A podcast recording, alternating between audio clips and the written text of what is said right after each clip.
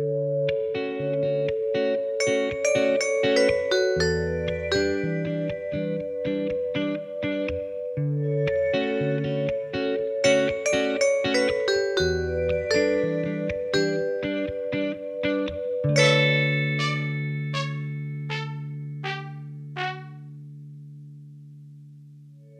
og velkommen til Trans-Norge, en podkast om transpersoner, lagd av PKI Norge, pasientorganisasjonen for kjønnsinkongruens. Jeg heter Luka Dalen Espeseth, og dagens episode skal handle om endring av juridisk kjønn, og litt om endring av navn. Hvordan endrer man egentlig juridisk kjønn? Hvor gammel må man være for å få lov til å endre det? Hva er det viktig å huske på før man gjennomfører denne endringa, og kan man ende tilbake om man ombestemmer seg? Dette er noen av de spørsmålene du får svar på i dagens episode av Trans-Norge. Og med meg på podden i dag så har jeg Elin Stillingen. Hei. Hei, Luka. Du har jo vært på podden før. Ja, det har jeg. Nå blir det litt gøy å, å snakke om min andre aktivist... Nei, nerdeinteresse som aktivist, nemlig endring av juridisk kjønn. Ja, for det, du er jo invitert spesifikt fordi du har en, som du sier, nerdete interesse for juridisk kjønn, og du har rett og slett lagd en sånn veileder for hvordan man skal gå frem for å kunne endre juridisk kjønn da, på mest mulig effektiv måte. Ja, eller i hvert fall på en sånn måte at du forhåpentligvis får igjen livet ditt så fort som mulig etterpå, da. Og så har jeg jo da benytta anledningen til å si min mening om ganske mye idiotisk i det her byråkratiet også, da. Men som vi alle vet, det eneste som redder oss fra byråkratiet, det er hvor ineffektivt det er. er det når man, Du jobber jo på en måte i byråkratiet? Ja, jeg er jo sånn kjempebyråkrat. Er eh, seniorrådgiver eller overbuljongpakketerningmester, som kanskje andre folk ville sagt. Og jobber med arkiv og IKT. Hvor da? I Justervesenet. Jeg syns det er så artig, fordi mitt eneste forhold til Justervesenet er den derre filmen.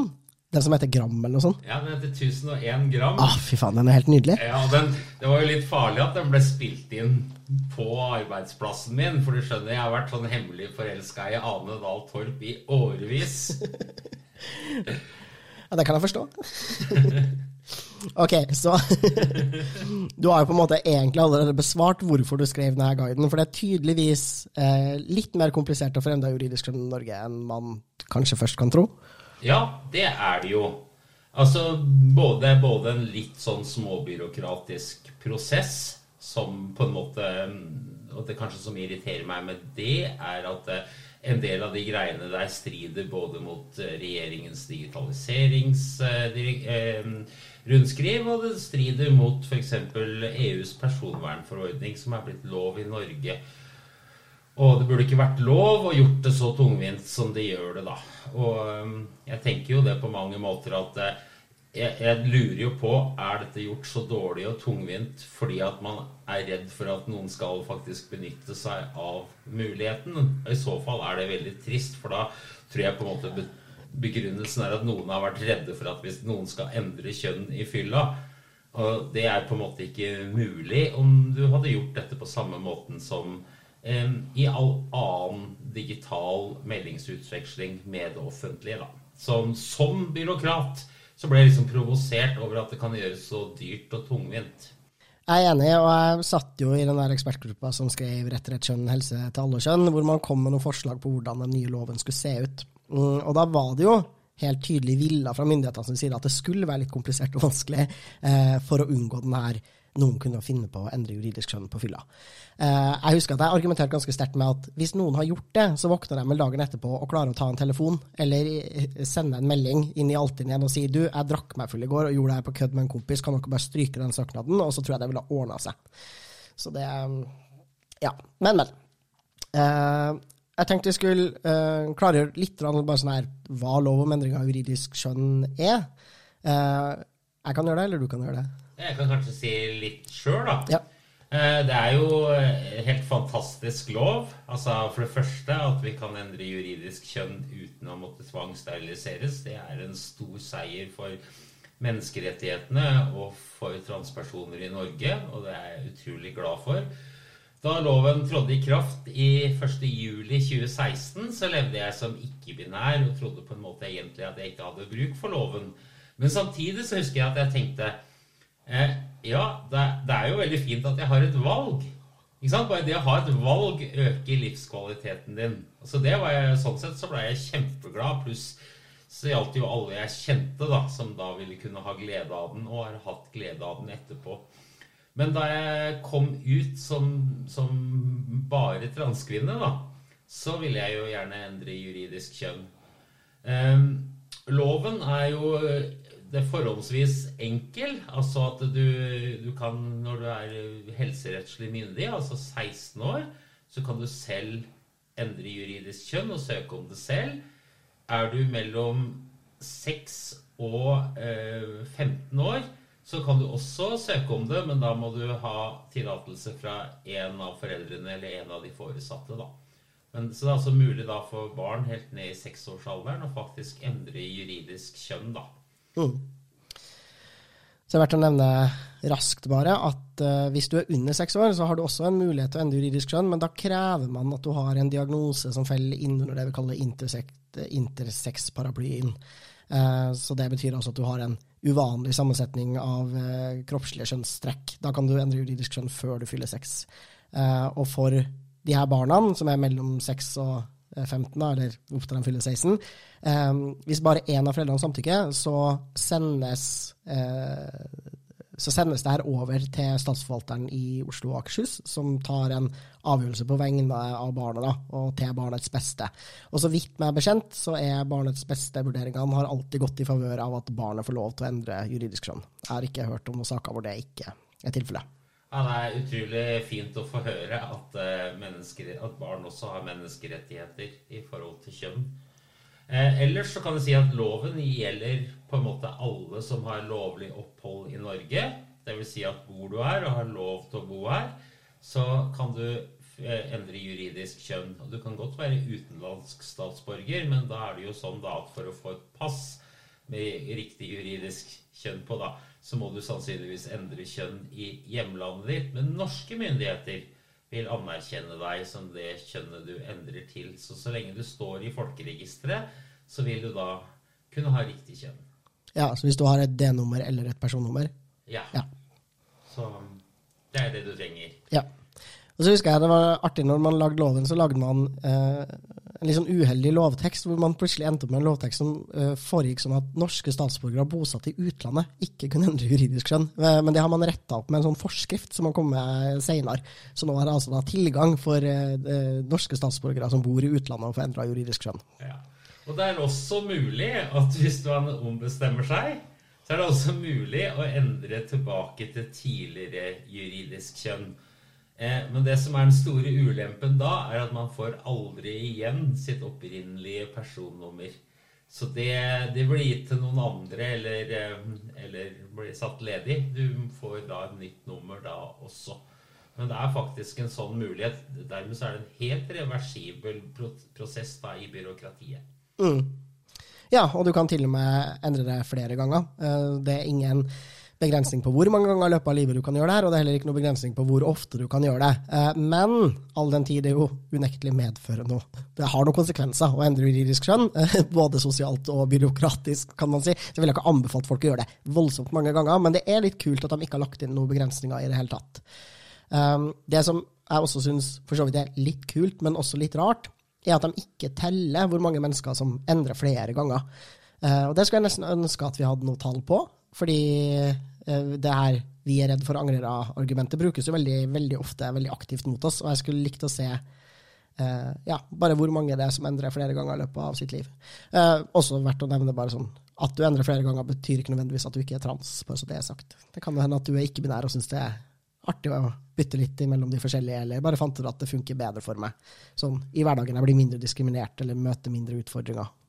Ja, for det eneste totale mangelen i loven er jo et tredje juridisk kjønnsalternativ. Altså for folk som oppfatter seg som ikke-binære, eller andre steder på skalaen mellom mann og kvinne. Da. Og da, de burde også ha en mulighet til å få et, enten et eget juridisk kjønn, eller eh, få i hvert fall en, en mulighet til å, at papirer ikke viser kjønn. Eller sånne ting. Og det håper jeg jo at vil komme nå. Det blir jo utreda av eh, vår nye eh, likestillingsminister i hennes departement. Mm.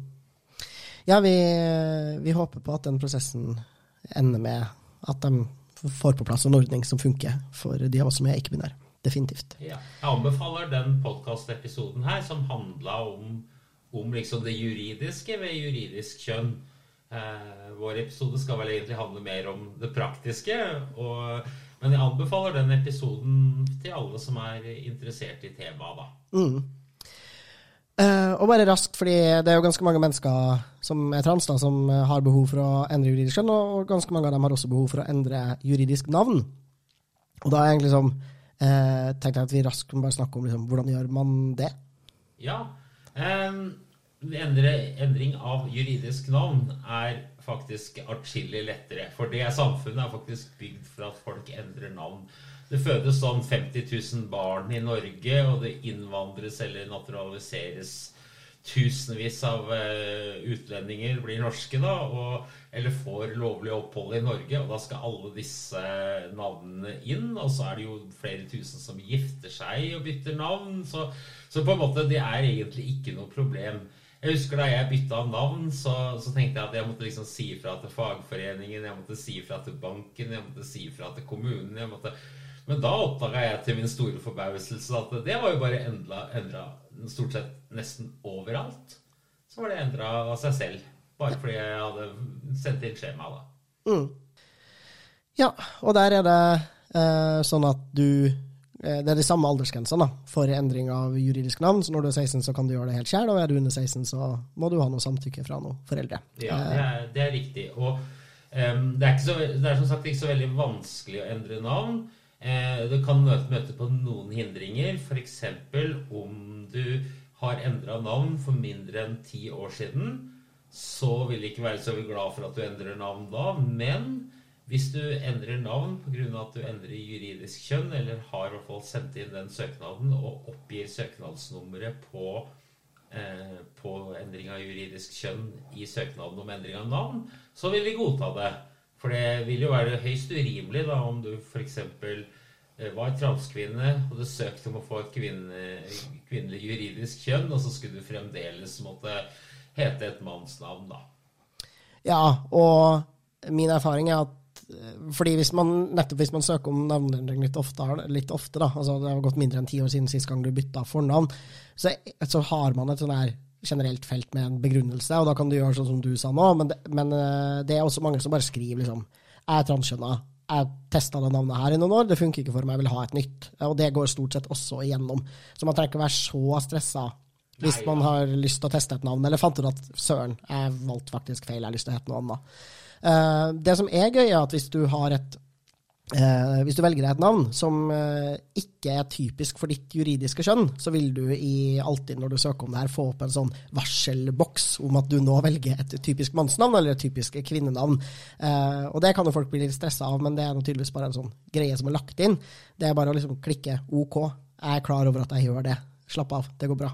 Eh, og så kommer du videre i den prosessen. Så det ja, relativt easy. Så er spørsmålet tenker jeg, er det lurt å endre juridisk kjønn og juridisk navn samtidig? Ja, eller det er lurt å endre juridisk navn, mener jeg, da, underveis i prosessen med å endre juridisk kjønn.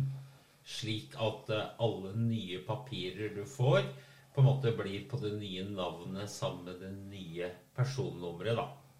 Altså, jeg tror det er veldig lurt å gjøre. I guiden min da, så anbefaler jeg å gjøre det når du har eh, jeg kunne kanskje, Før jeg liksom forklarer det, kunne kanskje egentlig snakka om den her tungvinte søknadsprosessen.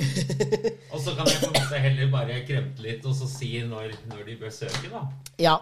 Eh, ja, kjør på. Hvordan, hvordan, er det man søker om å få endre juridisk skjønn? Fortell ja. oss om den her deilige byråkratiske prosessen. Jo, nå skal du høre. Det er sånn at eh, Man skulle selvfølgelig tro at man bare kunne logge på alt inn. Eh, finne skatteetatens generelle skjema for kontakt med dem for privatpersoner. Eh, og sende det inn, og så skrive der 'Hei, jeg har et annet kjønn enn det jeg er registrert med i folkeregisteret'. Eh, vennligst endre mitt juridiske kjønn. Og selvfølgelig kan man jo gjøre det, men resultatet av det er jo ikke at du har søkt om endring av juridisk kjønn. Resultatet er bare at du har bestilt søknadsskjema. Og det søknadsskjemaet det ser jo direkte latterlig ut. Det ser ut som en kopi av en kopi av en kopi. Alle vi som har gått på skolen på 80-tallet, vi husker jo sånn diverse ark lærere delte ut på ungdomsskolen, eh, som hadde tydeligvis blitt kopiert for femte gangen. Og det er et sånt ark. Og, eh, og sånn da som du får. Og teksten på arket er jo også helt latterlig, for det står jeg opplever å ha et annet kjønn enn det jeg er registrert med i folkeregisteret, og, og sånn står det. Men det der oppleve-greia, det gjør meg ganske sinna, da. Og det, er, det, er, det brukes bare mot oss hele tiden. Og jeg opplever ikke Jeg har et annet kjønn enn det jeg var registrert med i folkeregisteret når jeg søker. Og det, det, irriterer meg litt. Så har man litt guts, da. Så tar man bare og så stryker over 'opplever', og så skriver man 'er' eller 'har'. Ja. Enig. Og så, eh, når, eh, når man har fylt ut skjemaet, så forlanger de at du skal sende det inn igjen. Altså per, dette får du altså i postkassa di, ikke alt inn. Og så eh, forlanger de at du skal, du skal sende det inn til den skanningssentralen skattemyndighetene har på Tøyen. Men eh, ikke stol på dem, fordi at de kan somle veldig og påstå at de har sendt ting som ikke de har sendt. I hvert fall har jeg opplevd det i min prosess. Sånn at for sikkerhets skyld så sender du det også i, eh, i Altins parallelt. Og så bør man, bør man legge ved kopi da, av pass eller statens identifikasjonskort eller førerkortet. Så det ligger ved en gammel legitimasjon med det gamle Eh, med det gamle personnummeret på, da, og som, som, er ID på deg, da.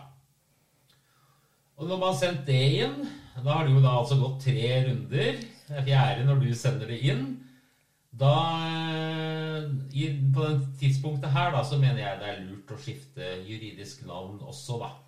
Og da bare søker man på skatteetatens sider eller på Google og skriver 'endre navn'. Så får man det opp. Det er et sånt veldig enkelt skjema, og du på en måte nå snakka vi litt i stad om liksom de, de, få fallgruvene som er, men liksom alle kan jo egentlig bare gå, gå til målet. Det er ikke noe problem. Og det går fort og greit. Seks-sju dager eller noe sånt, så har du en attest i posten på, på endra navn, da. Eh, men tilbake til juridisk kjønn. Når du da for første gangen har sendt inn skjema, så er det jo bare å smøre seg med tålmodighet. For det du skal vente på da, det er at de sender deg det samme teite skjemaet én gang til. Ja. Og så skal du fylle ut det samme en gang til, og så sende inn. Og det er i det her momentet mellom, eh, mellom eh, at du sender inn din underskrift for siste gang, da, jeg sender inn skjema. Det er her du bør ha gjort en del grep da, som jeg omtaler i guiden, for at dette byråkratisk sett skal bli så lett for deg som mulig å få livet ditt tilbake. da. For det får ganske mange konsekvenser av å endre juridisk kjønn. Og på en måte de som påstår at det kan gjøres med et tastetrykk, de har aldri prøvd, å si det sånn. Altså de som på en måte tror det er veldig lettvint, de har aldri hatt et uh, liv. altså jeg vet ikke om det er sånn i Norge, men i Sverige sies det at man står i 40 registre før man er født. Jeg tror nok det er nesten sånn i Norge også. ja. Ok, men før vi går inn på hva som er lurt å gjøre og preppe før man eh, gjør den endringa, hvor lang tid tar prosessen fra du liksom kontakter skattemyndighetene for første gang, til du faktisk får et vedtak? Hvis de gidder å sende det til deg når de skal, altså at du får skjema i posten i løpet av en uke fra du har bestilt det, og så to-tre runder, så er man skikkelig heldig, kan det gå på tre uker. Og min, min prosess tok seks uker, men det jo, var jo fordi de aldri sendte meg skjema. Tenk om vi bare hadde lagt det skjemaet ut på nettet, så vi bare kunne ha lasta det ned og liksom hoppa over det byråkratiet. Det er jo et hån mot oss skattebetalere at eh, det skal gjøres så tungvint. Ja, og da har jeg ett oppfølgingsspørsmål til. Kunne man Uh, det her er jo en kopi av en kopi av en kopi. Kunne vi tatt en kopi av denne kopien av kopi, og bare liksom typ lagt ut på nettet som en PDF-fil, og så hadde folk kunnet da hoppa over det første leddet og bare sendt det direkte med en gang?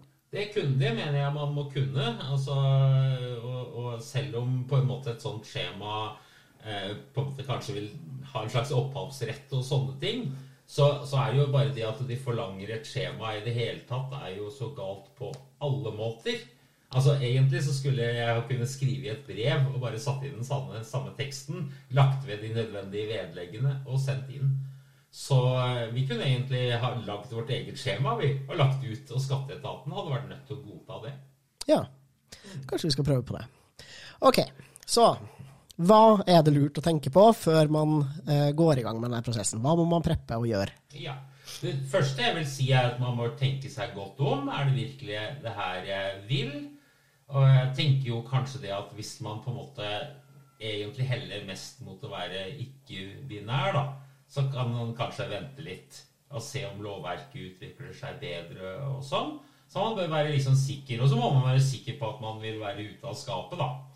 For det er ingen tvil. Altså, gjør du det her, så er du ute av skapet, altså. Så, så det burde du også ha bestemt deg for. Så bør man preppe litt. Man bør eh, passe litt på når man gjør det. Ikke mens man har søknader om høyere utdanning eller videregående utdanning inne. Gjør det på en litt annen tid av året for oss eh, streitinger med lønnsoppgjør og sånt tull, da, så kan det være greit å vente til ligninga foreligger. Så du liksom er ferdig med, ferdig med skatteetaten på alle måter utenom. Så, og, og, så det gjelder å finne liksom litt rett tid på året, da. Og så, så det ikke ødelegger for deg i forhold til søknader spesielt, da. Um, og så uh, er det jo to steder hvor du bør liksom ta en prat. Det ene er at hvis du er i arbeid, så bør du gå og fortelle det til HR eller personalavdelingen på jobben din. Og på en måte ikke si sånn der eh, 'Jeg lurer på å endre juridisk kjønn', bla, bla, bla. Nei, du bare sier 'Jeg kommer til å endre, endre juridisk kjønn da og da'. Jeg sier fra nå, sånn at dere kan liksom kjøre det byråkratiet som trengs her for å få alle ting greit hos dere på forhånd. Og det pleier HR i nesten alle bedrifter blir jo kjempeglade for at vi gir dem en advarsel, og at de ikke bare får At de ikke plutselig så, så får de en medarbeider de ikke visste de hadde, og alt det tullet der. Da, og da, da kan det jo være fint samtidig å planlegge en sånn Hvis du ikke har kommet ut på jobben ennå, og planlegge en kom ut-prosess på jobben nå. Det kan være lurt. For jeg kan si det, da jeg endra og så ser jeg liksom nå plutselig, da når endringa gikk i orden, så var navnet oppdatert i alle IT-systemer, eh, personalsystemer, og det var nytt dørskilt på kontordøra mi hvor det riktige navnet sto og sånn. Jeg tør si at det er ganske, for ganske god eufori da, når det skjer. Det vil jeg si. Og jeg ville tro det gjelder på andre arbeidsplasser, hvor man kanskje bruker arbeidsklær eller sånn, eh, sånn skilt sånn der 'Hei, mitt navn er' og sånne ting. Og så står det det riktige navnet. Eller sånn skilt på kontorpulter i landskap og ja, alt, Det må jo være helt fantastisk for den som får det, da. Ja, det er helt nydelig. Ja, og den andre man må snakke med, det er sin kunderådgiver i banken. Og eh, også de blir veldig veldig glade over å ikke bli tatt på senga, men at man faktisk har planlagt det her sammen med dem. Jeg er jo kunde i en svært liten bank. Men, eh, og først så tror jeg hun fikk litt panikk, da. Men så fant hun faktisk ut at en annen kunde hadde jo gjort det her et år tidligere, eller noe sånt. Og da hadde hennes hens kunderådgiver da vært så smart at hen hadde skrevet ned alt de gjorde og burde huske på. Så min prosess gikk jo kjempefint. For det er jo én ting som alle voksne trenger, og det er jo en bank-ID. Vi får ikke tilgang til så mange verken private eller offentlige tjenester. Så sikre at du har den bank-ID-en veldig fort, eh, det er kanskje et av de viktigste stegene du kan gjøre. Og eh, ja, så jeg hadde nye kort. Jeg hadde bank-ID på mobilen min etter én dag. Jeg hadde nye bankkort i løpet av fem dager. Og jeg fikk beholde alle kontonumre. Ehm, alle betalingsavtaler og fremdeles inne i nettbanken. Mens det som jeg måtte legge inn på nytt, da var der hvor jeg brukte sånn såkalt avtalegiro. Ja. ja. Nei, unnskyld. Sånn, e avtalegiro fungerte. E-faktura måtte legges inn på nytt. Sånn var det. E-faktura måtte legges inn på nytt. Ja. Ok, ja. Eh, ja, så rett og slett bare ta kontakt med banken på forhånd, så de eh, er forberedt. Og jeg skulle til å si eh, ja, en annen kunde i din bitte lille bank har endra juridisk skjønn. Jeg tenker at I de aller fleste større banker i landet så er det flere folk som har gjort det her før deg, og de begynner jeg hører i hvert fall om flere folk som har hatt lettere kontakt med banken nå enn f.eks. i 2016, da loven nettopp har trådt i kraft.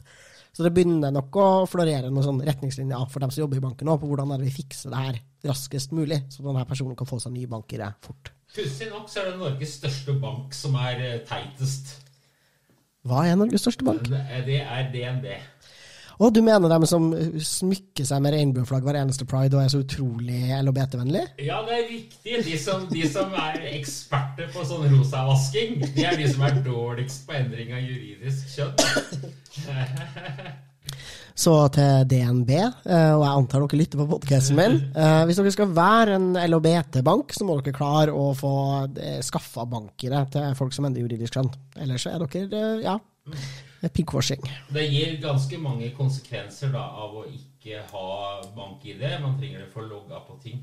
Og her er kanskje det aller, aller, aller verste jeg tenker i hele byråkratiet rundt endring av juridisk kjønn.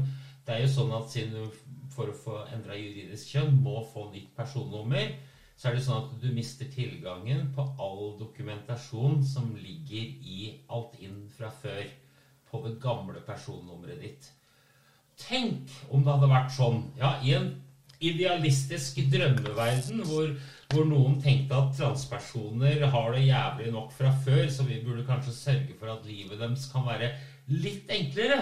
I en sånn verden så hadde jo faktisk da byråkraten hos Folkeregisteret eh, når, når vedkommende liksom trykker på knappen for å gi deg nytt nummer, så hadde vedkommende logga inn på den gamle Altinn-kontoen din, og så hadde han hadde hen gitt tilgang til den gamle fra den nye. Tenk om det hadde vært en rutine som var innført. Jeg syns ikke det er så veldig mye forlangt. Og så er det liksom noe som brukes som et argument mot juridisk kjønn. At de liksom ikke bare gjør en sånn enkel ting for oss. Og det syns jeg er sånn fryktelig trist. Ja, Betyr det at man typ ikke kan lese skattemeldinga fra i forfjor, liksom? Bingo! Og problemet er også det kan ikke andre heller. Så du sitter der med null kredittverdighet. Det syns jeg vi skal sende et brev til skatteetaten om. Det bør man definitivt få gjort noe med, fordi at eh, det er ganske alvorlig. Og så vet, jeg kan jo si at Skrekkeksempelet her er jo en transkvinne som skifta juridisk kjønn i 2018. På et tidspunkt da hvor eh, nesten ja, 1000 mennesker hadde gjort det. Det er over 1700 som har gjort det per akkurat nå. Uh, hun endra juridisk kjønn, hadde konto i eh, en av uh, Norges største banker. Hun hadde firmakontoer, private kontoer.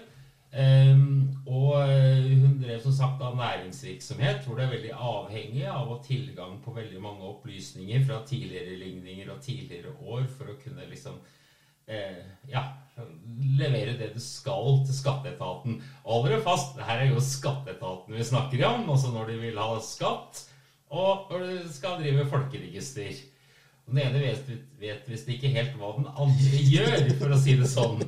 For du kan si at det som skjedde da, var jo at hun fikk nytt personnummer, mista tilgangen til all tidligere dokumentasjon på det gamle navnet. Det tok flere måneder før DNB klarte å gi henne en bank-ID og tilgang til hennes egne kontor, både firmakontor og personlig. Gudskjelov så hadde hun tatt ut sånn 60 000 spenn av banken uka før hun endra. Så hun hadde liksom kontanter til å leve av i de tre, over tre månedene det her tok.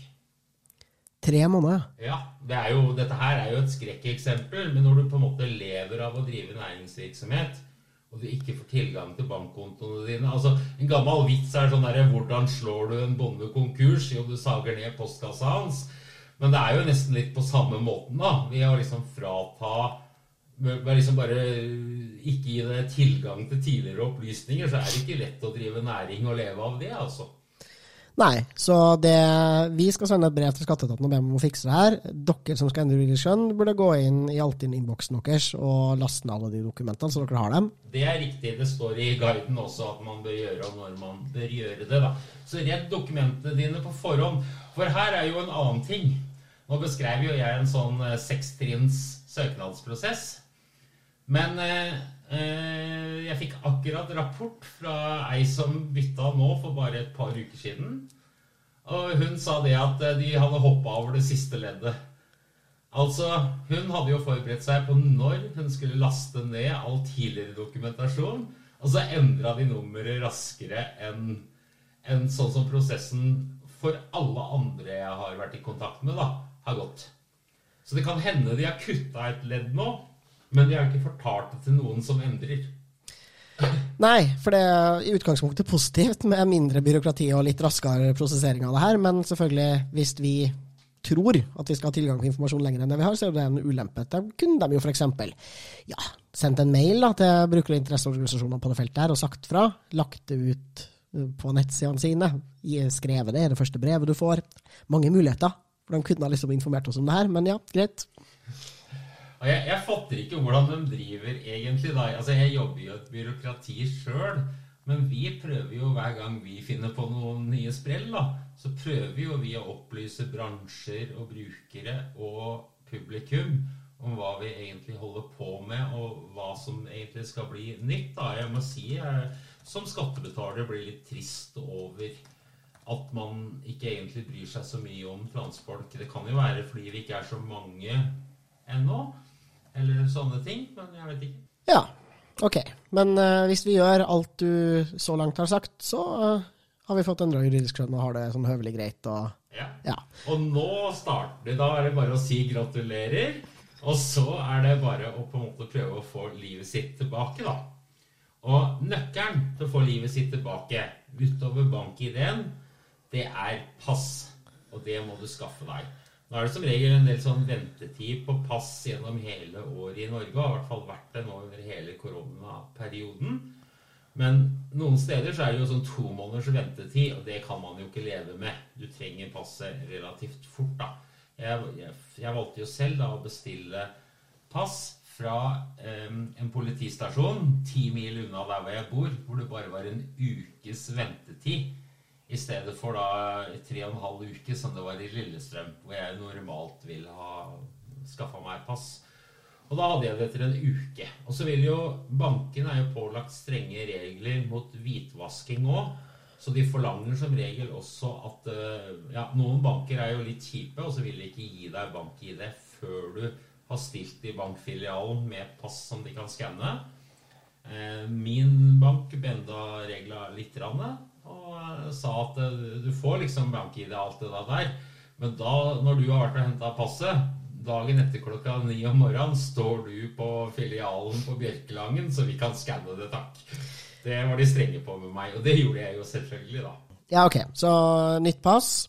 Ja, Så når du har fått nytt pass, så er det jo liksom på tide å nøste opp alt det andre, da. Så vi skal begynne med en annen vesentlig ting, da. Så er det jo førerkort og kjøretøy. Eh, og jeg logga, Det første jeg gjorde da når jeg hadde fått ny bank-ID, og sånn, det var jo å logge på Statens vegvesen sine sider, og så sjekka jeg. Og da så jeg jo til min store forbauselse Jeg har jo ikke førerkort eller eier noen kjøretøy, noe som jo jeg hadde når jeg hadde det gamle personnummeret. Definitivt. Um, Så det jeg gjorde, var jo bare bestille time for nytt førerkort. Og så møtte jeg opp, og da hadde jeg med meg da den attesten du får i posten fra skattemyndighetene etter at du har endra. Og en gammel legitimasjon, da, nemlig det gamle førerkortet mitt. Og jeg venta med å gjøre det her til jeg hadde fått det nye passet, så jeg ikke skulle stå uten noen form for legitimasjon. da. Um, og da møtte jeg opp, ikke noe problem. De tok nytt bilde, og alt var fint, og gratulerer. Og kom, førerkortet kommer i posten om ei uke. Og så sa jeg fra om det med kjøretøyene òg, og så fiksa de det samtidig. Og fikk det liksom satt på meg. Og her er det litt sånn viktig. Vanligvis så skal det jo betales for omregistrering av kjøretøy. Men husk, det her det er ingen omregistrering. Dette her er jo bare å få satt det nåværende navnet og personnummeret ditt inn. Altså Du er det samme mennesket, du eier bilen hele tida. Få det inn i systemet. Så hvis noen trafikkstasjoner prøver seg på å ta et gebyr, bare å krangle, det er en veldig god sak for Sivilombudsmannen, tror jeg, hvis de prøver seg på noe sånt. Enig. og, så, og så gikk det en uke, og så fikk jeg førerkort og nye vognkort i posten, da. Eller til og med hun som satt i skranken, spurte om hun skulle bestille nye vognkort til meg. Ja. Som jeg kunne legge i bilen, da. Så det var jo veldig fint. Um, så, det er, um, så det er liksom den andre tingen, hvis man har sertifikat, da, selvfølgelig. Ja. Eller biler. ja, og nå begynner vi vel å nærme oss enden på visa, eller? Nei. Den er mye lenger enn som så, både hos offentlige og private. Du kan si at mange steder så har det gått sånn overraskende bra, da. F.eks. for eksempel fagforeningen min. Der sto jeg plutselig på medlemslista med mitt navn og personnummer. Samtidig så fikk de selvfølgelig trøbbel da de prøvde å kreve inn kontingenten. Så det, det kan jo være noen sånne pussigheter sånn sett, da. Og du kan jo si for meg, da, som har boliglån i pensjonskassa hvor jeg er medlem, pluss at jeg også har jo tjent opp og betalt inn til den samme pensjonskassa i alle år mens jeg har vært yrkesaktiv. Jeg lurte jo på hvordan det her gikk, da. Og så fleipa jeg litt om at eh, Kanskje de har glemt lånet mitt, men husker den opptjente pensjonen min. Og så ble jeg så glad, for sånn var det faktisk. Boliglånet mitt var borte. Og, og, og, jeg hadde jo full opptjening fra hele yrkeslivet. Men ja, jeg syns jo nesten jeg måtte være ærlig og si ifra. da, og En dag eller to etterpå så var jeg blitt gjeldsslave igjen, da. Ah, du burde jo ikke sagt fra. Er det noe alle transfolk fortjener, så er det å bli gjeldsfri, tenker jeg. Ja, det er jo det, da. Men, om ikke ærlighet varer lengst, så tar det i hvert fall lengst tid. Ja. Men eh, det, Så det er der. Men ellers så vil, opp, vil veldig mye sånn gå av seg selv. Sånn kommunale ting, sånne ting. Nå har jeg på en måte aldri hatt noe med Nav å gjøre i hele mitt liv. Men jeg, så der veit jeg ikke så mye om hvordan det funker. Men jeg tror stort sett i forhold til veldig mange offentlige tjenester så går det veldig bra for alt som legger folkeregisteret til grunn. Um, man, kan, man må jo, Hvis man bruker helsevesenet, da, så er det jo veldig lurt å logge seg på helsenorge.no og sjekke at kjernejournal og en del sånne ting har fulgt med. Men problemet er at hvis du er under behandling, eh, har resepter på medisiner og sånne ting, så er det ofte henta fra fastlegenes system. Og det er ikke kompatibelt, eller det oppdateres ikke av seg sjøl. Sånn at eh, der må man faktisk si ifra til fastlegen, og så går det ofte en dag for de da, og får liksom rydda opp i sitt byråkrati, og så plutselig så har man e-resepten igjen, da. Perfekt. Ja. Ja, så fastlegen må man si ifra til. Hvem, eh, og, og, de fleste liksom, statlige organer de får det med seg sjøl, fordi de oppdaterer opp mot folkeregisteret jevnlig. Ja. Hvem er det som ikke får det med seg? Det kan være eh, type offentlig verv. Jeg syns jo det er ganske bittert at jeg f.eks. Um, jeg prøver jo å yte min skjerv, jeg òg, så jeg har vært meddommer i lagmannsretten. Og det er veldig vanskelig å skaffe dommere til lagmannsretten også. Eh, og i hvert fall folk under 50 år. og ja, jeg oppdaga til min store forbauselse da det var en ny oppnevningsperiode at det ikke var oppnevnt. Men det er nok fordi at uh, den gamle jeg har forsvunnet. da, At ikke det, ikke det nummeret står for eh, i området til eh, Eidsivating lagmannsrett lenger, da. Ja. Så, og det kan jo hende at det er kommunen som har glemt meg, eller har glemt å reoppnevne meg. For det normale er at man oppnevnes for én periode, og så blir man oppnevnt for en periode til. Og så kan man egentlig få si det ifra seg da etter på tredje perioden. At du må sitte i åtte år, da. Er det normale. Så jeg har liksom mista den muligheten til å bidra til, med mitt lille bidrag til rettssikkerheten da. Og det syns jeg jo er litt trist, men ja, jeg, nå gidder jeg ikke. Når de ikke gidder å leke etter meg, så kan det være kan det være det og, og, ja, så det, så, og det kan også være registre som gjelder folkevalgte. Det kan være en del Så hvis det er folkevalgt òg, f.eks., så er det ofte at det ikke henger så godt sammen med folkeregisteret. Eh, det kan være litt andre registre. Våpenregister, jegerregister. Altså, som liksom er litt sånn pussige IT-løsninger driver av litt sære etater og sånn, da. Så kan det være sånn at du kan falle ut av. Så, så har du hobbyer, har du næringsinteresser, har du engasjement på mange felter, så sjekk det liksom litt ut at du faktisk henger med, da. Ja, eh, det er lurt, og spesielt hvis du er medlem i, i PKI. skulle du si. Nei da, vi har ikke personnummeret ditt, men uh, oppdater oss gjerne hvis du endrer navn, for så vidt. Uh, men jeg tenker jo det, uh, alle liksom, foreninger, organisasjoner, ja. idrettslag osv. som du er med i, bør du sjekke at har fått det med seg, eller si fra til dem. Ja, for det er jo veldig mye sånn. Og så selvfølgelig alle slags private firma. Som internettleverandøren din, kabel-TV-leverandøren din, teleselskapet ditt liksom alle, alle, sånne helt sånne selvfølgelige steder hvor, hvor, vi alle er kunder i våre dager, da, så må du si ifra. Så det som eh, Apropos de siste, der er det ei sånn felle, da. I og med at eh, informasjonen er knytta til ditt forrige personnummer, så har du plutselig ikke kredittverdighet. I det eksempelet jeg nevnte i stad, med hun som ikke fikk tilganger på tre måneder, så hadde hun, fordi hun drev næring, vært kunde hos mange leverandører i langt over 20 år. Aldri betalt en faktura for sent. Vært liksom egentlig drømmekunden deres. Og så, eh, når hun fikk nytt nummer, så hadde hun null kredittverdighet. Måtte betale alt kontant og på en måte fikk ikke handle på faktura. Alt ble tungvint og vanskelig da, å drive næringsvirksomhet.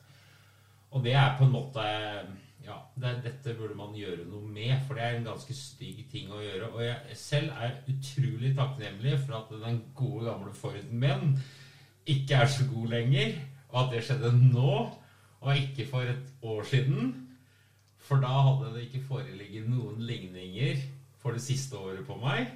Mens når jeg nettopp bytta bil, da, og det har vært mulig å få det banklånet fordi at selvangivelsen min for 2020 da, var tilgjengelig. Ja.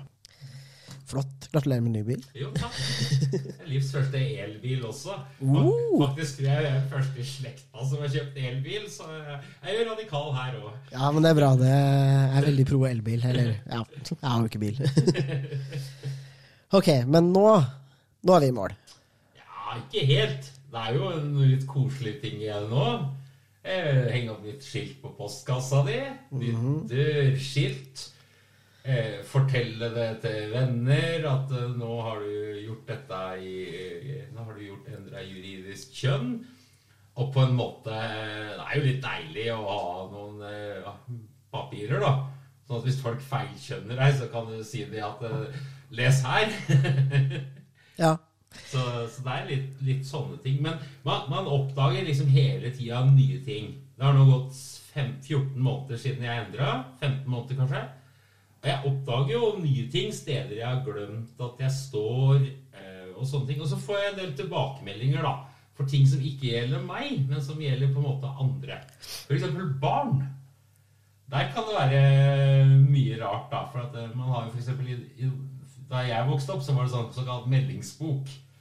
Der var liksom kontakten mellom hjem og skole og, og beskjeder og, og, sånn. Men i våre dager så går jo sånne ting på apper, f.eks. Og der blir det ofte krøll for den som går på det. Og jeg har også hørt det at den som har små barn, så kan liksom informasjon hos helsesøster eller på, unnskyld, på helsestasjonen forsvinne for barnet fordi en av foreldra blir romregistrert. Ja, ikke sant? ja, fordi alt sånt ligger jo inne på foreldrene. Frem, ja. ja. Og så har du den andre pussige tingen, da. Og det er jo liksom eh, Det her tror jeg er noe som også likekjønna par kan oppleve, da. Men hvis man er et likekjønna par og har barn, eller eh, man har barn og endrer juridisk kjønn I, i folkeregisteret nå så er det ikke sånn at det står mor og far lenger, tror jeg. Nå står det foreldre én og to. Men jeg har hørt at spesielt ved sånn endring av juridisk kjønn, så så er det ikke sånn selvfølgelig at det er ja, den i paret som eh, bidro med egget, som på en måte automatisk kontaktes først, sånn som det gjerne var før. Men at det nå blir litt mer tilfeldig, da. Hvem som, hvem som er det. Så det kan være en sånn konsekvens, da. Og så er det jo det at hvis foreldre har avtalt en arbeidsdeling eller eller har organisert samværet sånn at man ønsker at det skal være på den tradisjonelle måten, da, så kan det ofte bli litt sånn Hva skjer, liksom? Ja. Sånn at det kan være litt, litt der òg, da. Og så er det jo Uh, Og så er det jo selvfølgelig da kanskje det aller, aller verste, da, og det er at på barns fødselsattester uh, så står det uansett, selv om du bestiller en ny, så står det navnet til foreldrene på fødetidspunktet om du har endra det aldri så mye i ettertid. Så du blir altså deadnama forever og alltid i papirer som angår barnet ditt. Da. Det syns jeg er fryktelig trist. Jeg er helt uh, enig. Og argumentet der er jo at uh, en fødselsattest ikke er din, men barnet ditt sin, og at man ikke kan gå inn og liksom endre andre mennesker sine dokumenter. Men uh, ja, du blir jo deadnama, og det er ikke noe hyggelig. og det er også sånn at du i Norge i dag, på tross av å endre juridisk skjønn, blir som oftest feilregistrert som I hvert fall hvis du er juridisk mann og føder et eget barn, så blir du registrert som mor. Hvis du er juridisk mann og er sammen med en juridisk kvinne som føder barn, så, og dere er gift, så blir du jo registrert som far. Men det, det her er litt sånn komplisert. Um, ja, Det har vi for så vidt snakka om i denne episoden som handler om barn, hvordan det her fungerer, avhengig av hva slags juridisk skjønn du har. Men det er litt eh, komplisert det her med unger og juridisk skjønn, ja. Ja, ja det, er, det er jo det. Um, det er jo, altså helt tatt så er jo det her at uh, noen systemer da, er kobla opp mot sifferne i personnummeret. Det kan gi sånn enkelte pussigheter. da. Jeg tror det gikk sånn 14 dager etter at jeg fikk mitt nye personnummer, at jeg fikk sånn påminnelse om å møte opp til livmorhalsprøve. Og det er vel ikke helt vits i, ettersom jeg ikke har en livmor, da. Så, men, så det er jo litt synd. Men til gjengjeld, da, så jeg som snart er 50 år, så er det jo litt fint å vite at fordi at jeg har da det personnummeret jeg har, så blir jeg i hvert fall kalt inn til mammografi neste år, da. Som alle andre kvinner som har fylt 50 år, da. Bra. Ja, for det er eh, flott overgang til liksom andre ting du må huske på når du endrer juridisk kjønn. Og det er jo nettopp en del av de her tingene som handler om noen rettigheter og noen sånne helsespesifikke ting. Eh, og det er jo sånn at når du eh, de her screeningprogrammene, både denne innkallelsen til livmorhalsprøver, men også screening for eh, ja, mammografi eh, og sånne type ting, de følger juridisk skjønn. Så da må du huske på selv hvilken kropp er det jeg har, hva er det som er relevant for meg og ikke. Og det skader jo selvfølgelig ikke deg at du blir kalt inn til en livmorhalsprøve du ikke trenger, det er det bare å la være å møte opp, men for eh, folk som har livmorhals og som endrer til juridisk mann, så kan det være viktig å huske på at du kommer ikke lenger til å bli påminnet at du er nødt til å møte opp på, eh, på eller ja, eh, gå og ta celleprøver. Så det tenker jeg er lurt. Og en annen ting som også skjer som man kan være bevisst på å snakke med fastlegen sin om, er jo at alle sånne grenseverdier på blodprøver også følger juridisk skjønn. Eh, så da bør du ta en prat med legen din, for da kan du plutselig få blodprøver hvor du eh, det ser litt crazy ut, da. Ja. Og det kan både skje før og etter at du endrer juridisk skjønn, for det handler jo om hvorvidt du går på hormoner eller ikke, osv.